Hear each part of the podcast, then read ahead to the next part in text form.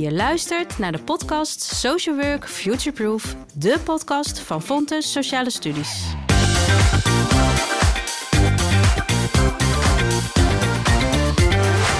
Welkom bij deze aflevering over samensturing in de maatschappelijke opvang. Ik ben Dana Veringa en vandaag ga ik in gesprek met Hanneke van Lieshout. Welkom Hanneke. Dankjewel. Jij hebt je onderzoek uitgevoerd bij de Traverne. Maar de Traverne, dat zegt ons eerlijk gezegd helemaal niets. Kun je ons eens vertellen, wat is de Traverne? Wat gebeurt daar? Wie is daar? Wat doet men? Zeker. Ja, de Traverne is een woonvorm voor negen mannen van de straat die nog niet kunnen, willen of mogen doorstromen naar een zelfstandige woning. Ja. En het zijn mannen waarbij van alles speelt. Ingewikkelde problemen, vaak ook gecombineerd met een aversie tegen autoriteit, agressief gedrag, verslaving, soms ook een uh, justitieel verleden, psychische problemen. Sowieso moet je beseffen, hè, als je op straat leeft, dan holt je fysieke en mentale gezondheid natuurlijk heel snel achteruit. En het betreft ook nog eens mannen die aangaven dat ze op andere plekken in de reguliere maatschappelijke opvang niet pasten. En zij kwamen bij de Traverne terecht. En dat is een woonvorm in het centrum, waar die negen mannen dus met elkaar het samenwonen moesten uitvinden. En ze hadden allemaal een eigen kamer, maar ook gedeelde ruimtes. Dus gedeelde woonkamer en keuken en zo. En ze werden begeleid door woonbegeleiders van een stichting die werkt vanuit presentiebenadering en vanuit samensturing. Oké, en, en nog even naar de fysieke omgeving van de ja. Traverne. Dat is dus een huis met in ieder geval negen kamers voor negen mannen die daar wonen. Een, een woonkamer, sanitair. Klopt. Uh, hoe, hoe zag de buitenomgeving eruit? Ja, het is een woonvorm in het centrum. Er zitten appartementen door, uh, omheen, er zitten winkels in de buurt. Er loopt een weg uh, voor de Traverne. Um, dus als je daar ook binnen bent of je bent op de kamers van degenen die daar wonen, dan hoor je ook de wegen en de bedrijvigheid uh, om je heen. En hebben ze een, de, hebben deze mannen een tuin bijvoorbeeld, waar ze even lekker naar buiten in de zon of? Ja, ze hebben wel een binnenplaats. Een binnenplaats. Ze hebben allemaal een eigen kamer van ja. verschillende formaten. Dus wanneer iemand vertrekt, werd er vaak ook weer doorgeschoven. Wilden mensen natuurlijk de grote kamer hebben. En ze deelden dan een gemeenschappelijke ruimte met gewoon een bank en een tafel en een keuken.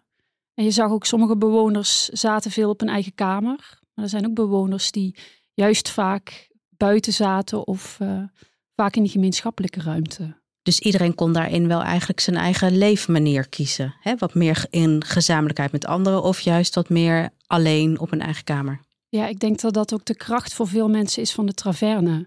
Dat je zelf mag kiezen zelf mag bepalen hoe je je leven inricht. En voor sommigen betekende dat dat ze zich terugtrokken op hun eigen kamer. Ja. En daar soms ook middelen mochten gebruiken.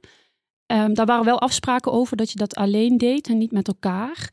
En anderen die zochten die contacten wel weer meer op. Dus je mocht daarin je eigen keuzes maken hoe, ja. je, dat, uh, hoe je dat inricht. Ja. ja.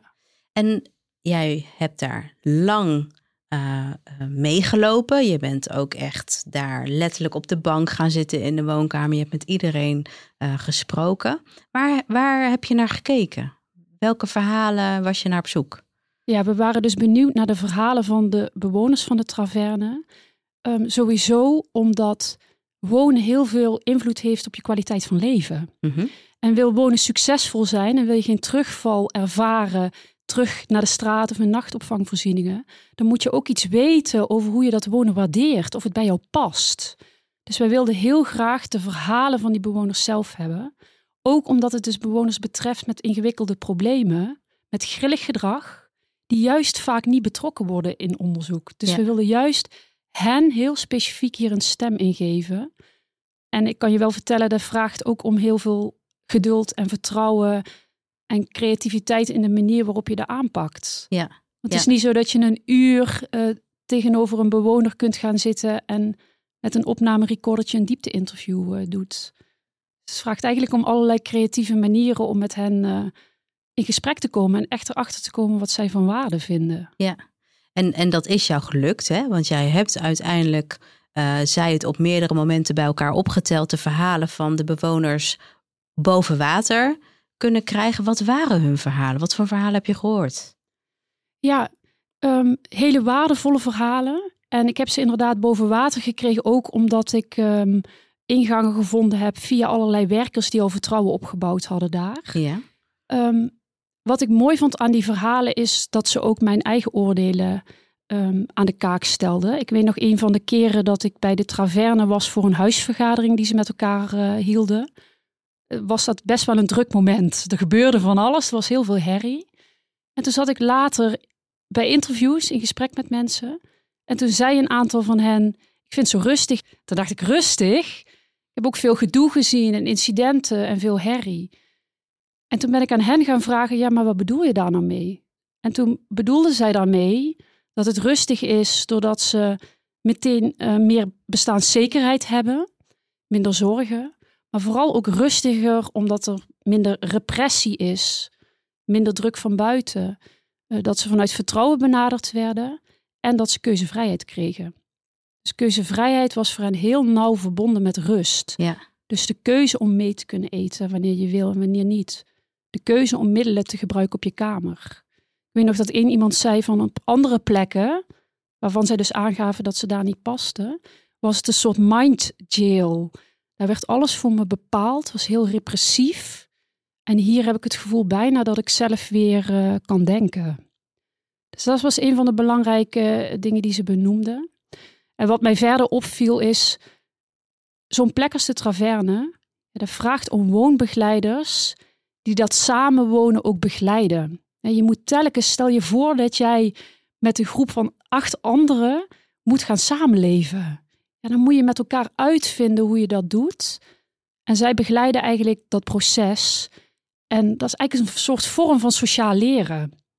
Dus je gaat met elkaar kijken, wat er nodig om met elkaar te functioneren?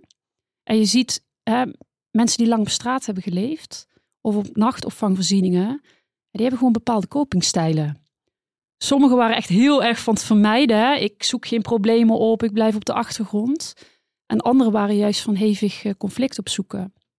En die woonbegeleiders die probeerden daar een soort groepsklimaat neer te zetten. Om ervoor te zorgen dat mensen eigenlijk kunnen experimenteren met nieuw gedrag. Ja, ja. Eigenlijk een soort sociaal leren. En daar heb je woonbegeleiders voor nodig. Want je moet kijken, wat kan zo'n groep aan? Er kan op een gegeven moment ook conflictmoeheid ontstaan. Als er te veel gedoe is, te veel incidenten. Dan moet je misschien weer iets meer de regie terugnemen. Dat is wat die woonbegeleiders ook als taakopvatting hadden. En wat ook maakt dat die traverne werkt. Dat je dat samenleven dus met elkaar onder begeleiding kunt uitvinden. Ja. En, en voor ons beeld, heb jij een concrete situatie waarvan je zegt, nou daar zag je echt dat de, uh, de aanwezigheid van woonbegeleiders het samenleven ten goede kwam? Ja, er zijn er meerdere. Ik had op een gegeven moment een gesprek met een meneer en die vertelde dat hij tijdens een huisvergadering had aangegeven dat hij last had van anderen die veel herrie maakten in de avond. En dat lijkt iets heel kleins, maar daar was hij heel erg trots op. En dat was voor hem een grote stap, omdat hij eigenlijk gewend was. Hij zei ook letterlijk tegen mij: soms maak ik mensen gewoon even bang. Gewend was om er hard in te gaan. Dus die woonbegeleiders doen iets in die groep, hè, bijvoorbeeld door zo'n huisvergadering, Mhm. waarin ze samen in dialoogzaken bespreken. Maar die doen natuurlijk ook los iets met mensen door iets voor te bespreken. En hoe kan ik jou helpen om iets, uh, iets in te brengen? Ja. Ja. En, en leefde de woonbegeleiding ook in datzelfde huis? Of, of kwamen ze 's ochtends en gingen ze s'avonds weer weg? Of... Ja, die kwamen een aantal uren per dag. Ja. Ja. ja. En zij deden iets met die groep. Maar wat zij ook deden, dat kon ik heel goed duiden toen ik um, de presentiebenadering er weer eens bij pakte van Andries Baart. Die heeft het over verdunde ernst. En dat houdt eigenlijk in dat je meer lucht krijgt en makkelijk over dingen kunt praten als je ergens bij aansluit bij het alledaagse. Dus zij deden samen de afwas of ze waren samen aan het puzzelen. Of één woonbegeleider was heel creatief. Die is ook met een aantal bewoners ook gewoon mutsen gaan breien bijvoorbeeld. Ja, ja. Maar er zijn wel de momenten waarop je heel laagdrempelig contact maakt en tot gesprek komt en vertrouwen krijgt. Ja. Ja. En was het daarmee ook een combinatie van dingen samen doen? En terwijl je dingen samen doet, ook een gesprek voeren over thema's die iedereen bezig hield? Ja, ik viel me ook op dat mensen soms binnenkwamen om even hun hart te luchten. Um, of gewoon ik iets moois te delen. Ik weet nog dat op een gegeven moment één iemand binnenkwam en die had ergens oude potten meegenomen om plantjes in te zetten. Ik kwam dat heel trots vertellen aan de woonbegeleiders. Dan zit er ook al een beetje eigenaarschap in. Hè? Ik wil zorgen voor. Ja, ja. vind het mooi om hier iets, uh, iets neer te zetten. Ja. En je gaf eerder aan van dit, dit is een groep mannen die eigenlijk binnen andere plekken die we maatschappelijke opvang noemen met elkaar, uh, hun draai niet weten te vinden. Nee. Hebben zij jou kunnen vertellen wat naast die vrijheid die ze ervaren, nog meer redenen uh, voor hun zijn om wel te kunnen landen? Ja. ja, de belangrijkste is denk ik die rust- en keuzevrijheid. Um, maar voor sommigen was het ook van meerwaarde om samen te wonen. Dus we hebben vaak het idee, iedereen wil een zelfstandige woning. Ja. Maar er waren twee bewoners die ook situaties uit het verleden deelden waarbij ze dierbaren zijn kwijtgeraakt. En juist dat samenwonen voor meerwaarde was, die ook niet alleen wilden wonen. En ik denk, kijk, om een beetje te schetsen wat die traverne is. Het is een woonvorm, maar het is ook ingebed in een uh, stichting die veel meer aanbiedt. Ja. En het is een stichting die voor sommigen ook een soort sense of belonging biedt, um, aansluiting biedt. Er zijn ook bewoners geweest die uiteindelijk daar zijn aangehaakt of iets van vrijwilligerswerk zijn gaan doen. Maar er zijn ook bewoners die dagbesteding zijn gaan doen of gewoon ja, een soort graag geziene gast bij de stichting zijn geworden. Hè? Ik weet nog dat iemand heel trots vertelde, ja, ik ken daar iedereen en mijn meubels komen vandaar.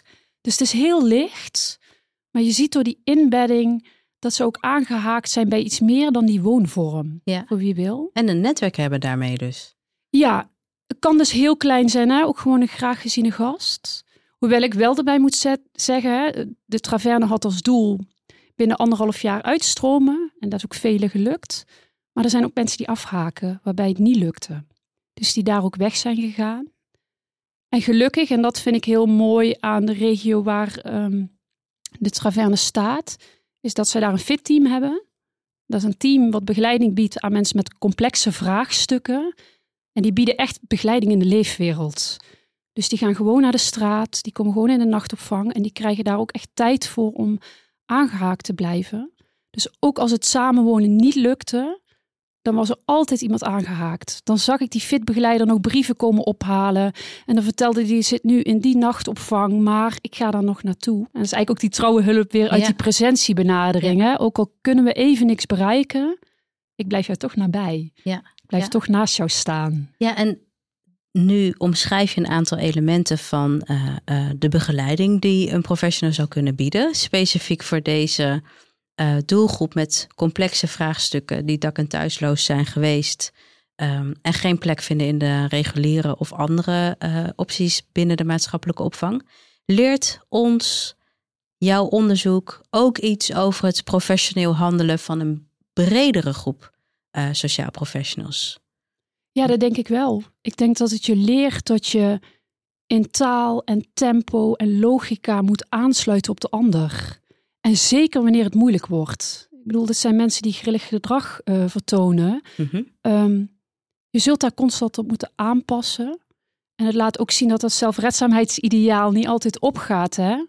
Deze mensen kunnen niet altijd eenduidig kenbaar maken waar ze naartoe willen. En kunnen ook niet altijd op koers blijven. Dus ik hoop dat we ontvankelijk blijven voor ja, wat zij soms tussen de regels door ons duidelijk eh, proberen te maken. En dat we daar ook betrokken bij, eh, bij proberen te blijven. Ja, ja. En niet zomaar opgeven eigenlijk, hè, hoor ik jou ook zeggen. Niet zomaar opgeven. En ik besef met ten zeerste dat je met deze moeilijk bereikbare groep, hè, met ook ingewikkelde problemen, ook in allerlei dilemma's komt. Maar dan wil je juist met de mensen om wie het gaat en met je collega's daarover praten. En mijn oproep naar het werkveld is ook, ja, bied die ruimte.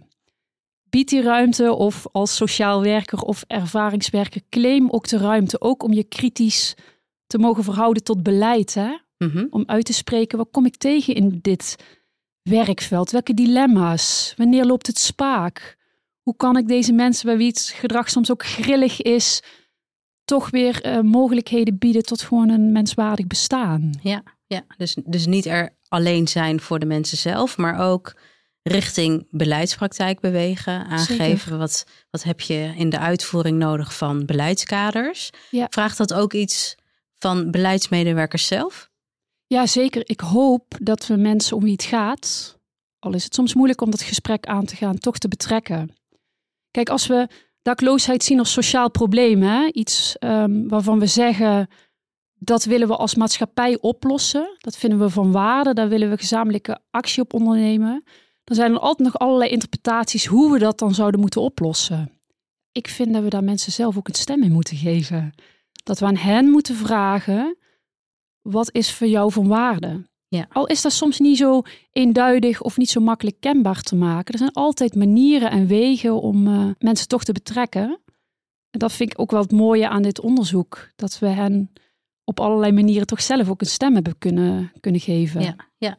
En eigenlijk doe jij een appel op meer. Dus ook ervaringskennis als een van de fundamenten van te vormen beleid. Zeker. Ja. ja.